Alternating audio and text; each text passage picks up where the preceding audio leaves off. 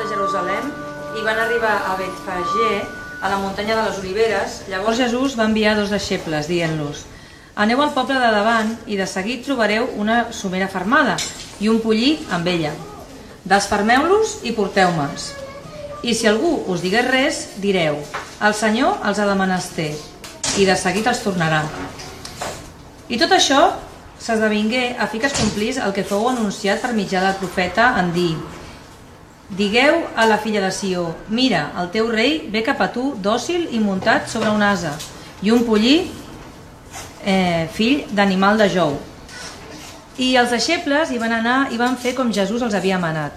I van portar la somera i el pollí i van posar els seus mantells damunt i es va asseure a sobre.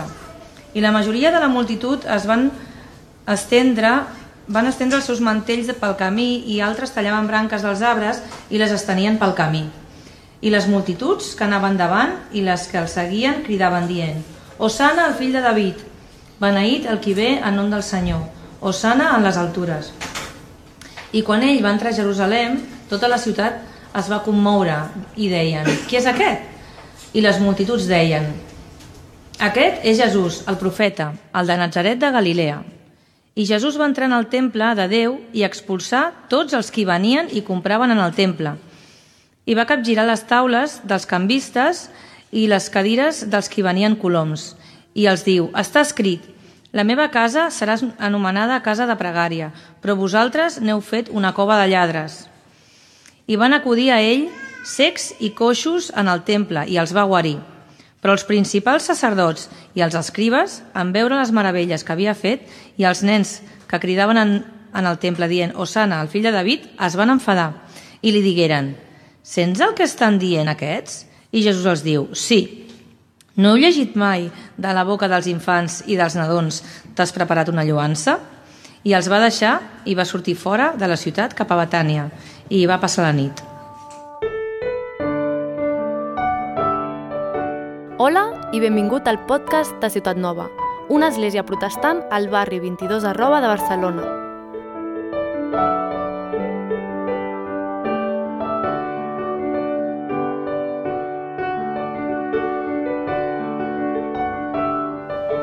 Doncs nosaltres ens centrem en aquest text d'avui, diumenge de Rams, Setmana Santa, eh? no sé què és el que et ve al cap, a tu potser et ve al cap eh, la tradició a la que estàs acostumat, eh, potser et ve al cap allò que has vist al teu voltant al llarg de la teva vida. Eh, per què aprofitem aquesta, aquest, aquestes dates del calendari? Per recordar la Setmana Santa, en concret avui el diumenge de Rams, oi?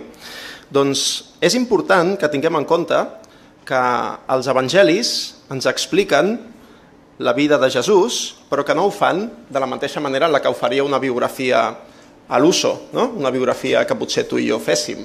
Donen una importància i un èmfasi molt gran als evangelistes, les biografies més antigues que tenim de Jesús, a l'última setmana de vida de Jesús. Per tant, si ells ho fan, nosaltres també hem de donar aquest èmfasi. Us podria dir que entre un 30% i un 50% de cada evangeli, de cadascun d'aquests quatre evangelis que tenim al Nou Testament, parlen de l'última setmana de la vida de Jesús. Per tant, això és important tenir-ho en compte i veure que posen els evangelistes un èmfasi en aquest moment de la seva vida. I per què? Doncs perquè els autors dels evangelis creien que el més important de Jesús no era el seu exemple i les seves ensenyances, tot i que això és molt, molt, molt, molt important, eh? Sinó que per importants que fossin aquestes coses, la seva obra de salvació enmig de la història, la culminació d'aquesta vida en la mort i resurrecció de Jesús, era la part més important, la part que havíem de tenir molt present en tot moment, la més significativa que Jesús duria a terme. Per tant, fent això, estem fent justícia als evangelis, estem fent justícia al missatge del Nou Testament. Si ens posem en context, veurem que hem fet un salt, oi? Hem acabat la sèrie de Mateu, eh, però continuem a Mateu, eh? Hem fet un salt en capítols i anem la, al, al capítol 21 de Mateu. Era l'època de la Pasqua, i jo no sé si tu saps què és la Pasqua, no sé si estàs acostumat a estar a l'església o no estàs acostumat a estar a l'església, però t'ho resumeixo. Eh?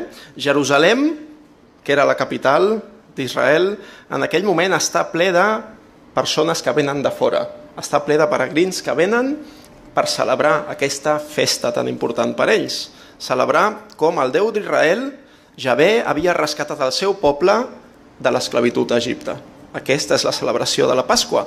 I Jesús també hi va, també va cap a Jerusalem. Per tant, avui veurem que Jesús, aquell que en el text d'avui es presenta com el rei d'Israel, com el Messias, l'enviat de Déu per dur a terme els seus propòsits, podem veure tres coses. En direm passejant-nos per aquests versets. Veurem tres punts en els que parlarem dels plans del rei Jesús. Després eh, parlarem de la rebuda del rei Jesús i per últim parlarem de l'acció del rei Jesús. Plans, rebuda, acció del rei Jesús. Aquests són els tres punts del missatge d'avui i anirem eh, passejant-nos per aquests textos. Oi?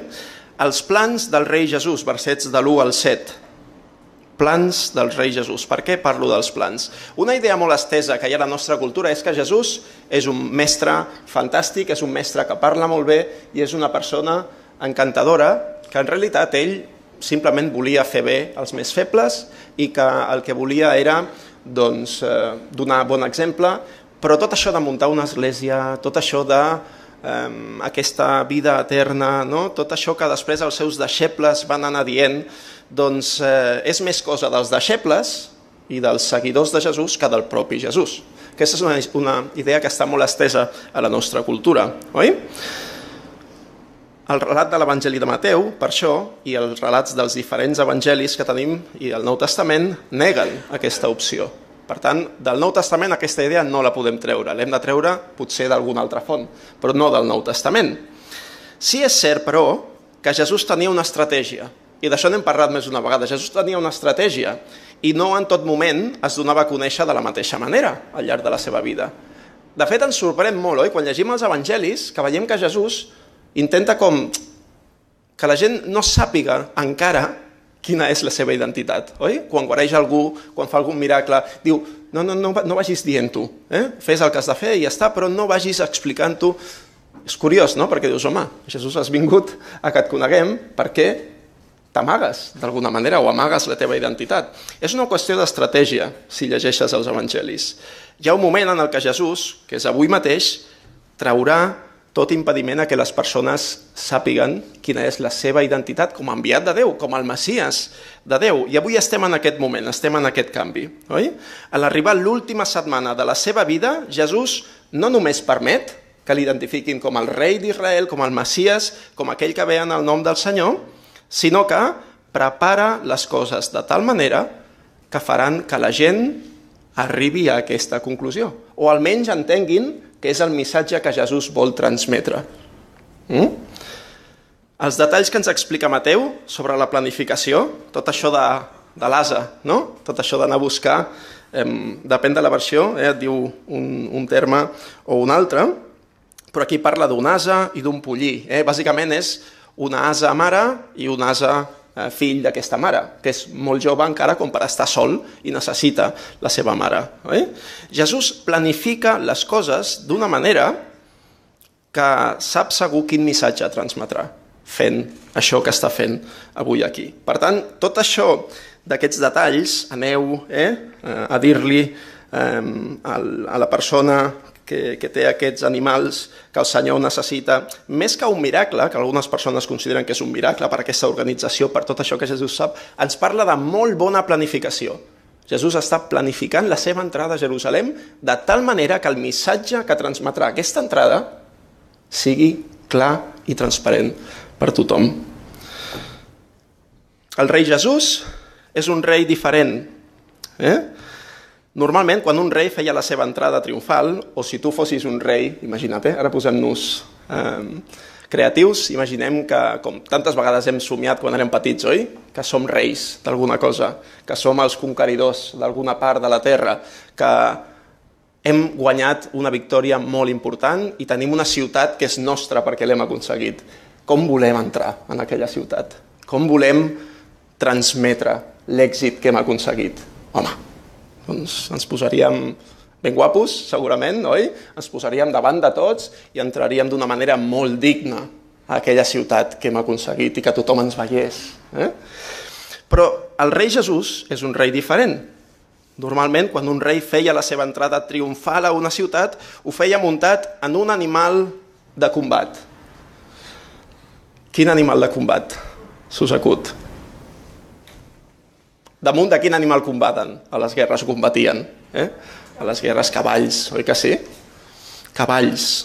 O fins i tot es podia presentar un rei amb un carro tirat per diferents cavalls. No?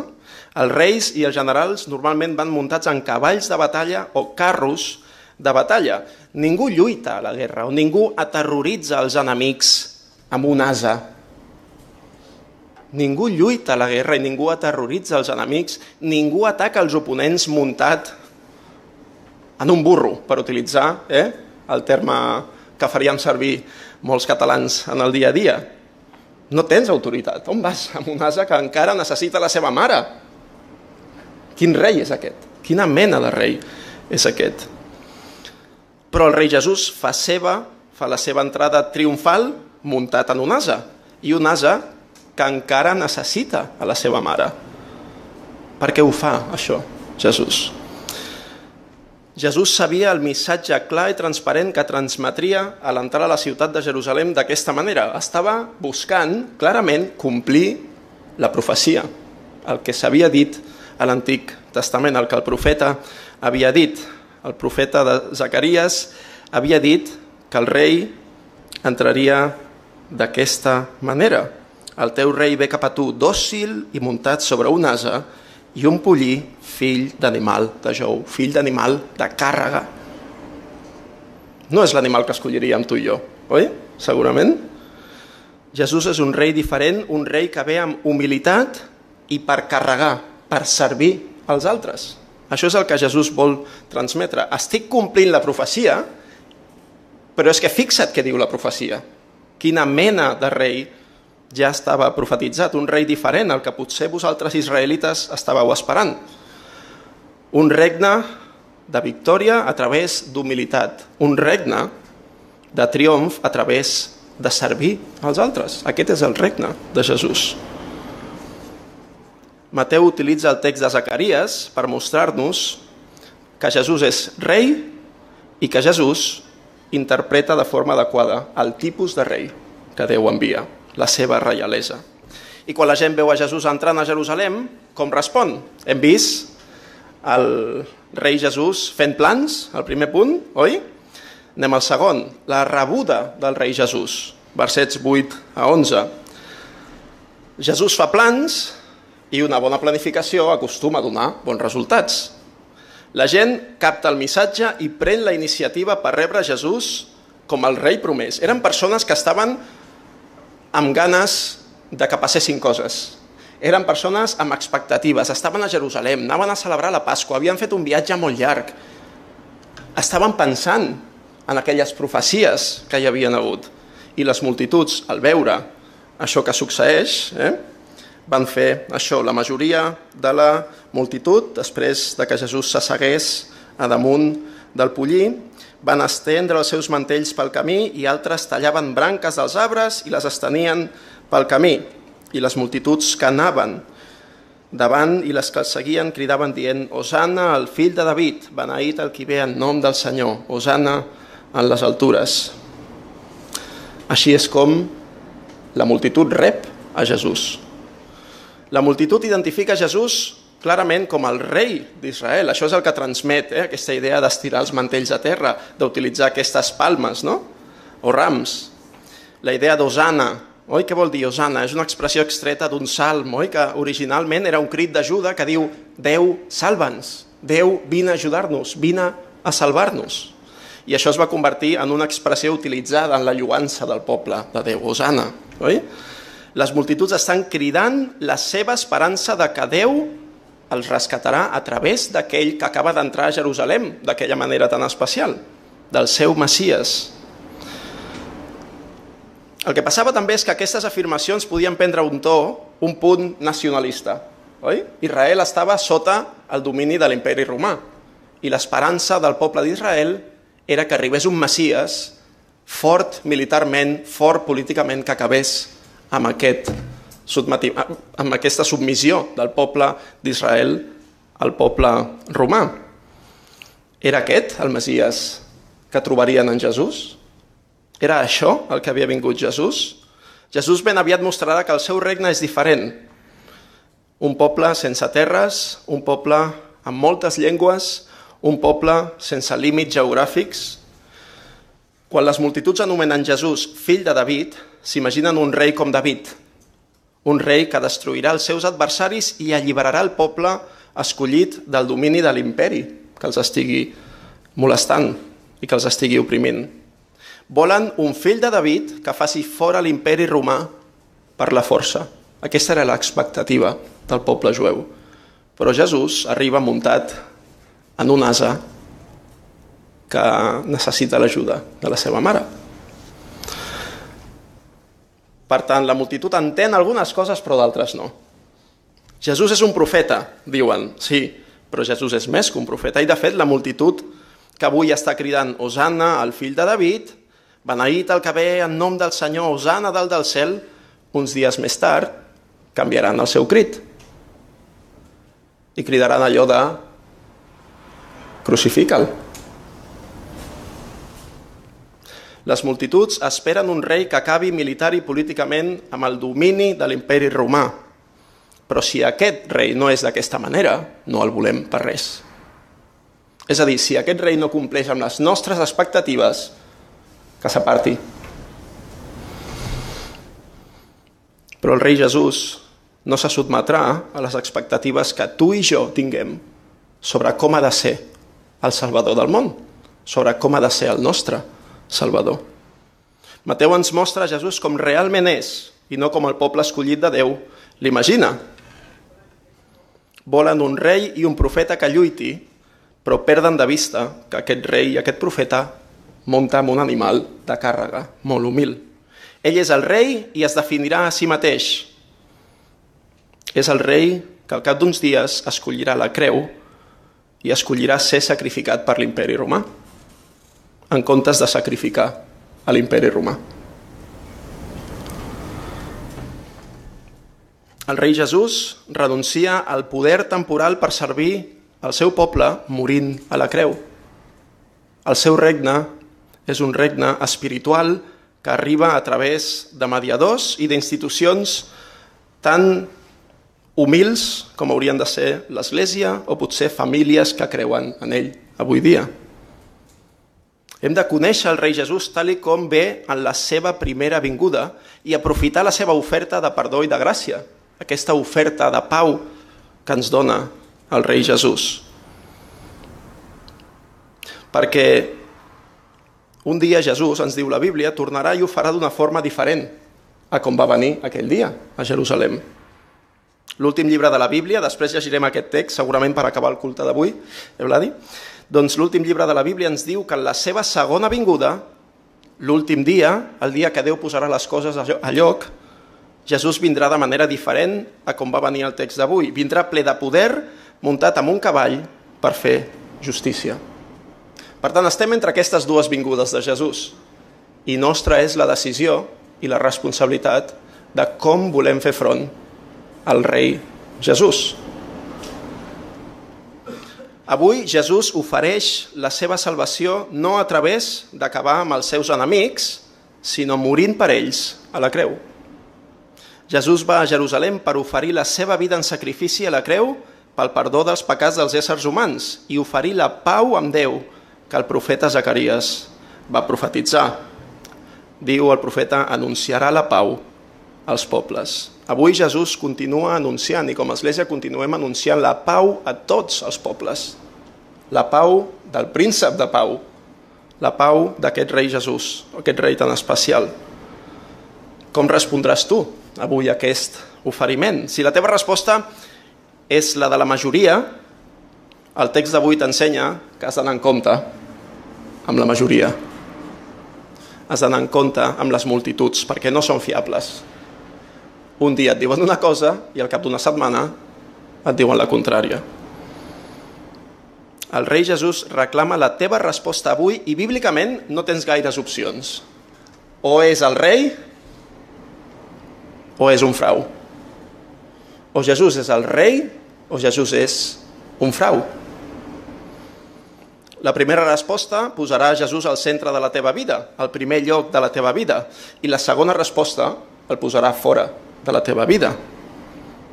De fet, farà que estiguis en el grup d'aquells que van enviar el rei Jesús a la creu. Per tant, no t'enganyis, perquè Jesús no acceptarà cap altra resposta que estigui entremig d'aquestes dues. O el fas rei o si el rebutges, encara que ho facis amb bones formes i amb amabilitat, estàs menyspreant la seva obra a la creu. Què triaràs tu avui? Per tant, veiem en aquest segon punt com Jesús és rebut. I per últim, l'últim punt, l'acció del rei Jesús. Hem vist com Jesús fa plans, hem vist com Jesús és rebut, i ara veiem com Jesús actua després de tot això. Jesús té molt clar que ha anat a fer a Jerusalem, transmetre el missatge de que ell és l'enviat de Déu, el rei que el poble escollit de Déu ha estat esperant, el fill de David, al llarg de la història, el qui ve en el nom del Senyor. Però Jesús no es queda aquí. Eh? Jesús té més coses a fer. Després de la seva entrada triomfant a Jerusalem, on és rebut amb l'alegria de les multituds, Jesús se'n va a un lloc molt important per la gent de Jerusalem. El temple de Jerusalem. El centre de la vida religiosa del poble d'Israel. I un cop allà ens mostra que és algú que té un gran zel per la casa de Déu.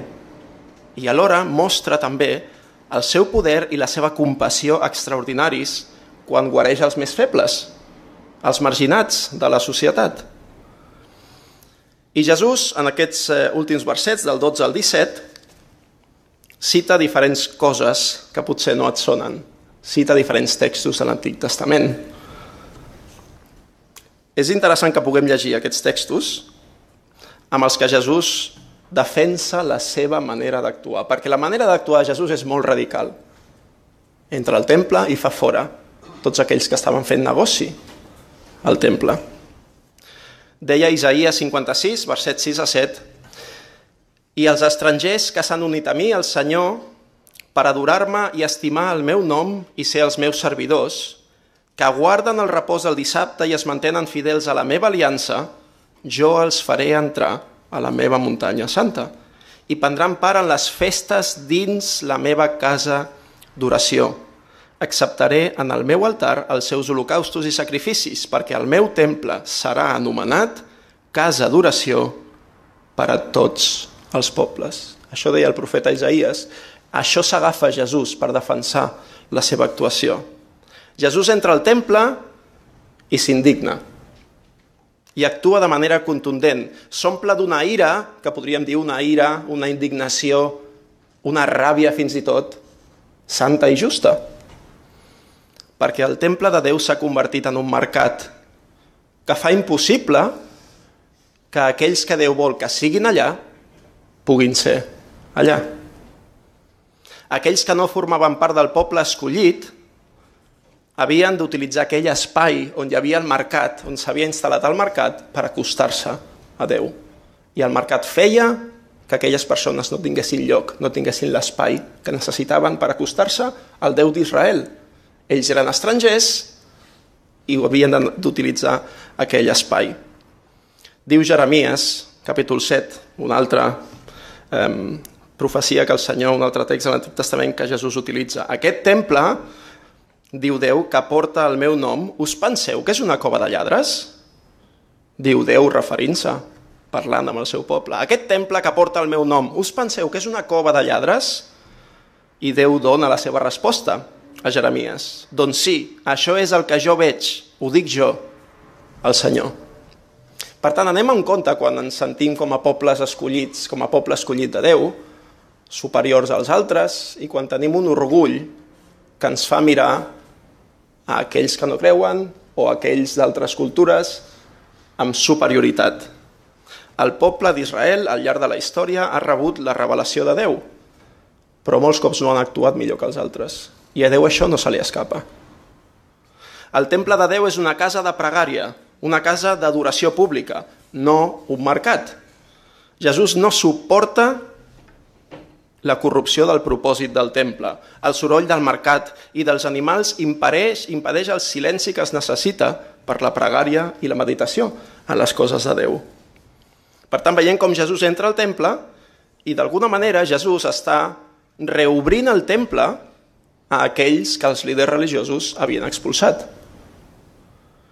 Jesús reobre el temple als secs i als coixos i els guareix aquells que estaven a un racó apartats, Jesús els hi dona el protagonisme i els guareix. Alguns jueus, alguns jueus volien prohibir a marginats i discapacitats en aquella època el seu accés al temple, però Jesús els hi retorna aquest accés a Déu. Jesús expulsa els comerciants i acull els marginats al temple de Déu. Jesús expulsa aquells a qui les autoritats havien donat accés i Jesús acull a aquells a qui les autoritats havien expulsat amb el seu sistema corrupte. Fixeu-vos com Jesús capgira les coses. Jesús expulsa a aquells a qui els líders religiosos havien donat accés, aquests que feien mercat, que feien negoci i que demanaven uns preus excessius per als animals que es necessitaven per fer els sacrificis i en canvi dona accés a aquells que els líders religiosos havien expulsat amb el seu sistema corrupte. Jesús demostra la seva autoritat amb actes extraordinaris, amb miracles, guareix malalts. Mentre uns són expulsats, els altres són acollits. En una mateixa escena tenim a Jesús ple d'una ira bona i santa i necessària i alhora a un Jesús ple de compassió i de tendresa cap a aquells que necessiten aquesta compassió i aquesta tendresa. I això amb una mateixa persona. Oi? Segurament tots tenim tendència a anar cap a una banda o cap a l'altra. Segurament un pot tenir tendència a indignar-se per les injustícies, oi? I en el camí de la seva indignació s'oblida d'aquells que necessiten compassió, gràcia, aquells que necessiten ser tractats d'aquesta manera. O potser estem a l'altra banda, i la idea de la compassió i de la tendresa ens fa oblidar la justícia que Déu requereix de tots i cadascun de nosaltres. Per tant, en Jesús hi veiem aquest equilibri. Els contemporanis de Jesús havien enfosquit la funció del temple, que era un lloc on es dona a conèixer a Déu mateix i on s'hi ofereix una adoració autèntica. Preus massa alts d'animals que eren necessaris per a aquells sacrificis, la presència d'animals que feien soroll, la presència de monedes que queien i que feien soroll, i això impedia que aquells que més difícil tenien accedir a Déu poguessin fer-ho, els gentils, aquells que no formaven part del poble de Déu. I això a Jesús l'indigna.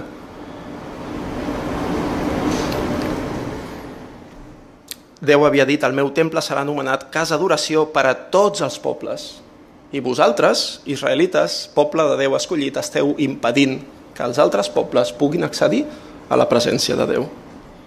Per tant, això és el que indigna a Jesús. Amb altres paraules, Jesús està dient als israelites els vostres somnis d'alliberament nacional que us van portar a enfrontar-vos militar i políticament contra Roma no eren els somnis de Déu. Déu va cridar a Israel perquè a través d'Israel ell portaria la seva salvació a tot el món. Però vosaltres, poble escollit de Déu, no sou millors que els altres pobles i també necessiteu que us salvi, diu Déu. I llavors hi ha el detall, oi? L'escena és interessant. Apareixen les veus d'uns nens no? al temple. Osana, el fill de David. Repeteixen. Els nens tenen tendència a repetir les coses que veuen, que escolten, oi? I et pots imaginar aquella escena, aquella tensió, aquell moment, i les veuetes dels nens. Allò, Sana, fill de David, Sana, fill de David. I els líders religiosos ja no aguanten més i li diuen, Jesús, què estàs fent? Que fins i tot els més petits ens els, els estàs ensenyant coses que no els hauries d'ensenyar. Soluciona això, atura't. Fes que deixin de dir aquestes coses. Però la resposta de Jesús és clara. Que no sents el que diuen? I Jesús diu, sí. I vosaltres no heu sentit el que diu la Bíblia? No heu llegit mai en l'Escriptura amb la paraula dels infants i dels nadons t'has fet cantar una lluança. Jesús no rebutja la lluança dels nens. El Salm 8 és el que Jesús cita i diu això, Senyor sobirà nostre, que n'és de gloriós el teu nom per tota la terra. En el cel tens posada la teva majestat. Amb la paraula dels infants i dels nadons has assentat els fonaments d'un baluar contra els teus adversaris per fer callar el rebel i l'enemic. En altres paraules, diu Jesús, i tant que els he sentit. I el que diuen sobre mi és veritat. Ho accepto. I llavors Jesús marxa. Per tant, veiem, per acabar, com Jesús ha vingut, segons aquest text, per garantir-nos l'accés a Déu. Per treure tot impediment en la relació entre els éssers humans i Déu.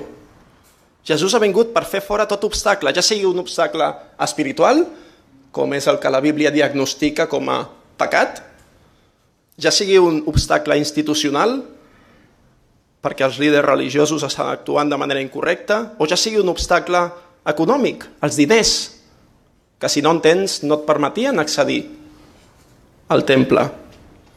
Jesús ha vingut per posar les coses al seu lloc i per ser l'únic mediador que necessitem amb Déu. Què faràs tu amb aquest mediador? Potser per tu hi ha algun impediment diferent a aquests. Potser el teu impediment és el que et trobes a determinats temples. Potser és un sistema religiós corrupte del que sentim escàndols una i una altra vegada, dins de l'àmbit catòlic, també dins de l'àmbit protestant. Potser el testimoni dels que han de ser els representants de Jesús, abusant dels més febles i fins i tot dels menors, és el que t'allunya de Déu. Doncs Jesús està avui dient que sí, que és veritat, que el pecat també ha entrat al temple, que el pecat també ha entrat a les esglésies i la corrupció també hi ha arribat, però diu Jesús, però jo també he arribat. Ja sóc aquí, jo també he arribat, no els necessites. No necessites a líders religiosos corruptes i els seus sistemes que t'ofereixen l'accés a la presència de Déu a través de diners, a través de el que sigui. En tens prou amb mi, diu Jesús. Jo he vingut a fer-los fora i a retornar-te l'opció de tenir una relació d'amistat amb Déu. I la realitat és que tots tenim un rei a les nostres vides, oi? Moltes vegades sentim o fins i tot diem allò de que els catalans no tenim rei, oi? De fet, podríem dir que la història de l'ésser humà és la història de la lluita per alliberar-nos dels altres reis i ser nosaltres els nostres propis reis. No haver de retre comptes de res a ningú. I jo personalment dubto que hi hagi hagut una època en la que aquest missatge estigui més present que la nostra. Oi? Avui, a nivell material, tenim tot el que necessitem i fins i tot més, i vivim en el context ideal per dir no necessito res ni ningú. Jo sóc el meu propi rei.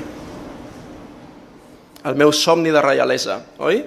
Aquesta idea que es transmet tan sovint. Tu ets el rei, no deixis que ningú ocupi aquest lloc a la teva vida. Que ningú et digui com has de viure. Tu en tens prou amb tu mateix. Tu ets l'amo del teu destí. Això és el que ens diu la religió, la religió més practicada avui a Occident, l'adoració a un mateix, la egolatria. Doncs avui és una molt bona oportunitat perquè et preguntis qui o què regna a la teva vida.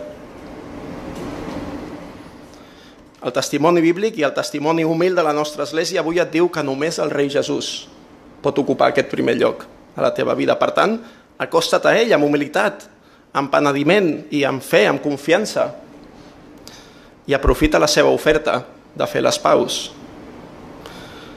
Un autor molt important, John Stott, va dir una frase que ens ajuda molt, aquells que estem transmetent l'Evangeli a les predicacions. Deia, l'essència del pecat és l'ésser humà posant-se en lloc de Déu. L'essència del pecat és l'ésser humà posant-se en lloc de Déu. I l'essència de la salvació és Déu posant-se en el lloc de l'ésser humà. L'essència de la salvació és Déu posant-se en el lloc de l'ésser humà. I això últim és el que, com veurem al llarg d'aquesta Setmana Santa, el rei Jesús va venir a fer, posar-se en el nostre lloc, en aquella creu. Davant d'això, ni tu ni jo podem quedar-nos com si res, restar indiferents. Jesús ha vingut i Jesús ha fet això. Per tant, què faràs tu amb el rei Jesús? Acceptaràs aquest Messias tan especial o el rebutjaràs? Acceptaràs el seu regne o rebutjaràs el seu regne? I si ja ets un seguidor del rei Jesús, si ja has cregut en ell, com afectarà aquesta Setmana Santa, on recordem el moment culminant del ministeri del rei Jesús, a la teva vida? Com afectarà això el teu compromís amb ell? Església, contempla avui el teu rei i viu per la seva glòria. Que el Senyor ens ajudi. Gràcies per escoltar aquesta predicació. Si tens preguntes respecte al seu contingut o vols tenir una conversa sobre l'Evangeli, no dubtis en contactar-nos. El nostre correu electrònic és info arroba cn22.org.